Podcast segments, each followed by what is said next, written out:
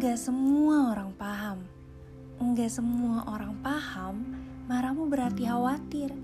Enggak semua orang paham tawamu berarti tangis. Enggak semua orang paham diammu berarti mengalah.